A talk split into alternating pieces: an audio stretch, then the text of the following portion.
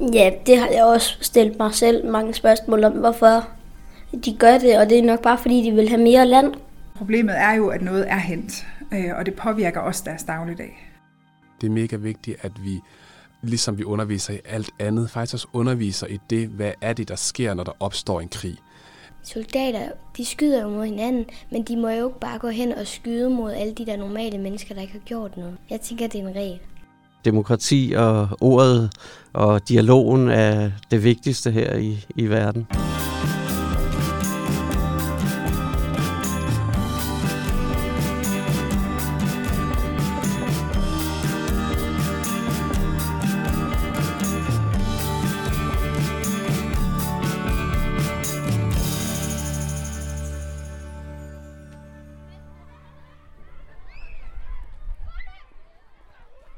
Hvad tænker børn i Danmark egentlig om krig? Bliver de bange, eftertænksomme, stille eller udfarende? Det er store og svære spørgsmål, der er på bloggen i den her udgave af Didakter. En didakter, der skal fortælle dig om nyt, gratis undervisningsmateriale til hele grundskolen om krig. Du kan finde det på forstå.dk, og fokus er på, hvilke tanker krige sætter i gang hos eleverne. Men du kan også snart undervise i et helt nyt undervisningsmateriale om de regler, der er for en krig. Det er Røde Kors og Alenia Plus, der står bag. Men øh, vi begynder bogstaveligt talt langt fra verdens slagmarker på Lykstør skole i Nordvestjylland. Hos Ida, Johan, Ea og Tilde fra 4. B. Hvis nu jeg siger ordet krig, hvad er det første, du kommer til at tænke på så egentlig?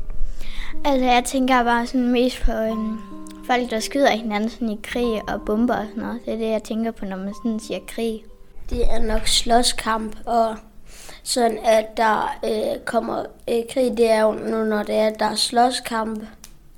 Det er meget slåskamp, jeg kommer til at tænke på så.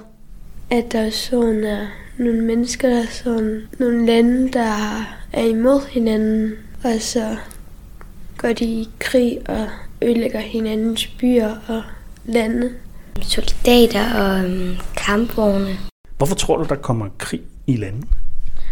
Altså, jeg tror lidt, det er fordi, hvis der er et land, der gerne gider have noget, og så tænker de, at man starter en krig, for sådan at kan vinde. Ja, det har jeg også stillet mig selv mange spørgsmål om, hvorfor de gør det, og det er nok bare fordi, de vil have mere land. Måske bare fordi, at de har nok været i krig før i tiden. Og så er de bare kommet i krig igen. Jeg tror, det er fordi, at folk de bliver uvenner, og så kan de ikke øh, styre sig med alt det der krig og konflikt, og så bliver de endnu mere uvenner, og så, ja, så bliver det alt for vildt. Men hvordan tror du, det er at være barn et sted, hvor der er krig egentlig? Jeg tror, de er meget bange og bare vil væk fra det hele, fordi det er nok meget skræmmende, hvis nu man er et barn sådan på tre år, og man bare kan se, at der bliver bombet, og folk dør, ens land er i krig, så tror jeg, man er meget bange og bare vil væk fra det hele. Man kan nok godt være meget ked af det. Det må virkelig være sørgeligt, men man skal bare håbe på, at man kan komme hurtigst muligt ud af landet. Ja, at man er nødt til at, ja, at leve nogle andre steder og flygte fra sit eget land, der hvor man godt kan lide at være. Øh, fordi at de har jo ikke gjort noget. Øhm, men så ja, det tænker jeg er det værste, at man er nødt til at flygte eller gemme sig og ikke kan få sit normale liv. Man vil jo ikke være i tilfælde for at dø. Sådan lyder tankerne om krig, blandt andet fra de fire børn fra Lykstør. Og i den første del af det nye undervisningsmateriale fra Røde Kors og Alenia Plus, er det netop børn i Danmarks tanker om krig, der er i fokus. Der er lavet digitale undervisningsforløb til alle tre trin, og du finder dem altså på forstå.dk. Men inden du ser mere på dem, så skal du også møde ham her. Man kan ikke pakke, pakke de her grusomheder væk. Morten Svarts Laudsten, seniorkommunikationskonsulent hos Røde Kors, og med mange års erfaring med at lave undervisningsmateriale om de voldsomme dele af verden. Om katastrofer, brandpunkter, krige og konflikter. Og hans holdning er klar. Danske børn skal også vide noget om alt det, der kan være svært at forstå og forklare. De øh, finder ud af det alligevel på den ene eller den anden måde. Så, så det vil dels være en eller anden stor løgn, vi, øh, vi præsenterede for børnene, men, men øh, og, og, altså, de vil jo så vokse op i et øh, glansbillede, der ikke øh, passer med virkeligheden. Så, så vi er nødt til at tage de her snakke om, om det aller værste og det mest grusomme med vores børn. Vi skal så selvfølgelig... Øh, gøre det på en måde, så ingen børn bliver skræmt eller får mareridt eller noget som helst, men det modsatte. Øh, styrke dem i, at øh, demokrati og ordet og dialogen er det vigtigste her i, i verden. Vi tager tilbage til Lykstør skole. I det her forår er det krigen i Ukraine, der har fyldt en hel del i klasselokalerne. På Lykstør skole møder jeg Louise Christiansen, der er lærer på mellemtrinnet.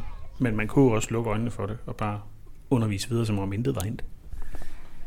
Øhm, problemet er jo, at noget er hent, øh, og det påvirker også deres dagligdag. Hun er helt enig med Morten Svarts Laudsten. Børn skal vide noget om krig og konflikt.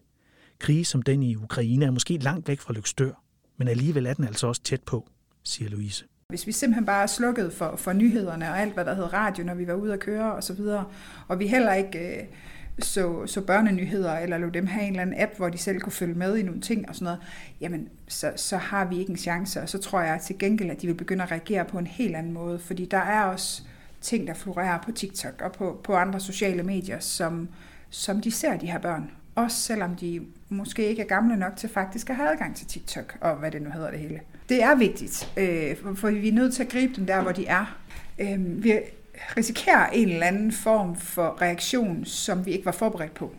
Hvis vi har grebet dem og har snakket med dem om det, og de også tør at komme og spørge, og de også ved, at de får et ærligt svar, så tror jeg, at vi har meget nemmere ved at håndtere de reaktioner, der måtte komme, end hvis vi lukker øjnene for det og forsøger at lukke deres ører. Det kan vi ikke. Vi tager fra Lykstør til en anden del af landet. Jeg hedder Hassan. Øhm, jeg underviser på Ådans Privatskole i Ishøj. Lige nu øh, har jeg en første klasse, hvor jeg underviser i dansk og i naturteknik og kristendom og billedkunst og idræt. Hassan Mohammed underviser altså nogle af de yngste elever på Ådalens privatskole i Ishøj. Og for dem er den aktuelle krig i Ukraine også noget, de tænker på. Det er jo også noget, som de interesserer sig for. Altså, det er jo også noget, man leger ude i skolegården. Og lige pludselig, så er det, lige pludselig, så sker det virkeligt. Øhm, og det er jo også surrealistisk for os voksne, men det er det også især for børnene. Som Louise Christiansen i Lykstør er Hassan Mohammed ikke i tvivl.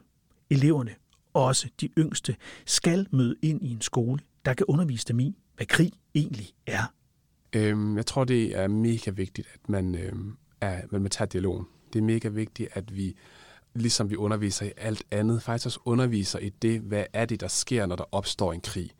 Øhm, fordi at vi er en verden, vi er en global verden, og vi er meget mere åbne. Altså grænserne er mere åbne, og der sker, eller man kan sige, man kan blive oplyst på mange forskellige ting, som sker rundt omkring i verden.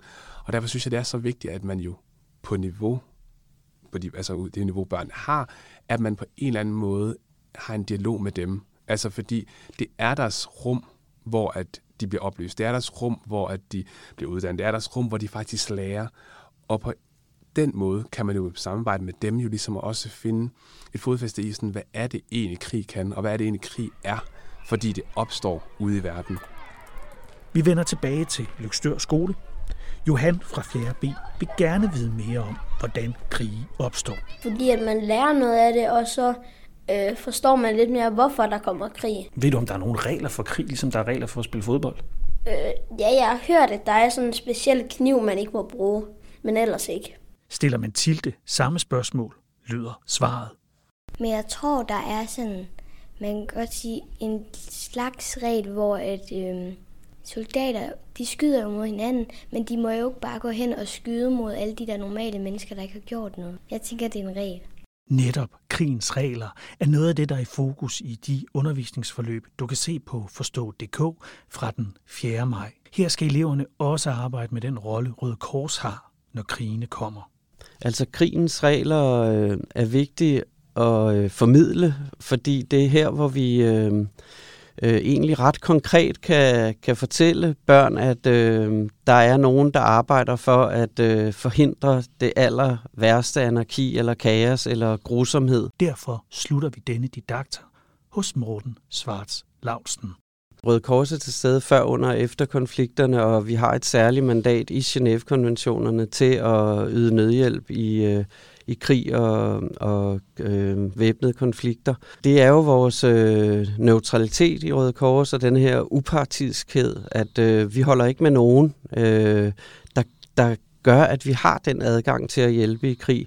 Det, det er også øh, virkelig vigtigt for Røde Kors at, at forklare denne her øh, øh, øh, tankegang med, at der er en øh, upartisk og neutral øh, organisation, hjælpeorganisation, bevægelse. Det tror jeg også er vigtigt for børn at vide, at øh, midt i alt kaoset er der denne her øh, øh, ikke øh, væbnede magt, der, der bare øh, hjælper og er til stede for at beskytte civile.